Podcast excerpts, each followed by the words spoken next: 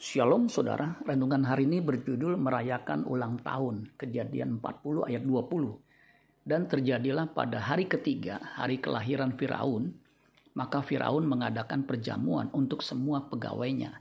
Ia meninggikan kepala juru minuman dan kepala juru roti itu di tengah-tengah para pegawainya. Firaun merayakan hari ulang tahunnya, tidak dijelaskan ulang tahun keberapa ia mengadakan pesta perjamuan untuk semua pegawainya. Tidak ada sesuatu yang khusus dicatat kecuali di hari tersebut dicatat suatu peristiwa.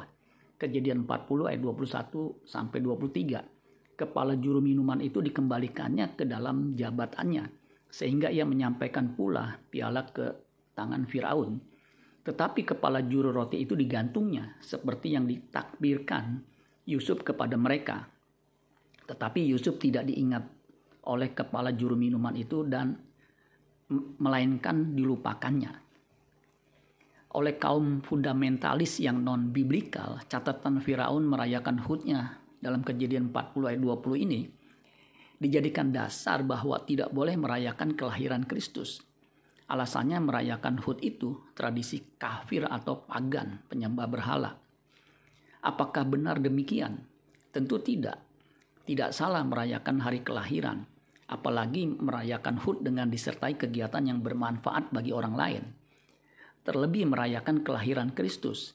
Kelahiran Kristus adalah kegenapan janji keselamatan Allah ketika manusia jatuh dalam dosa.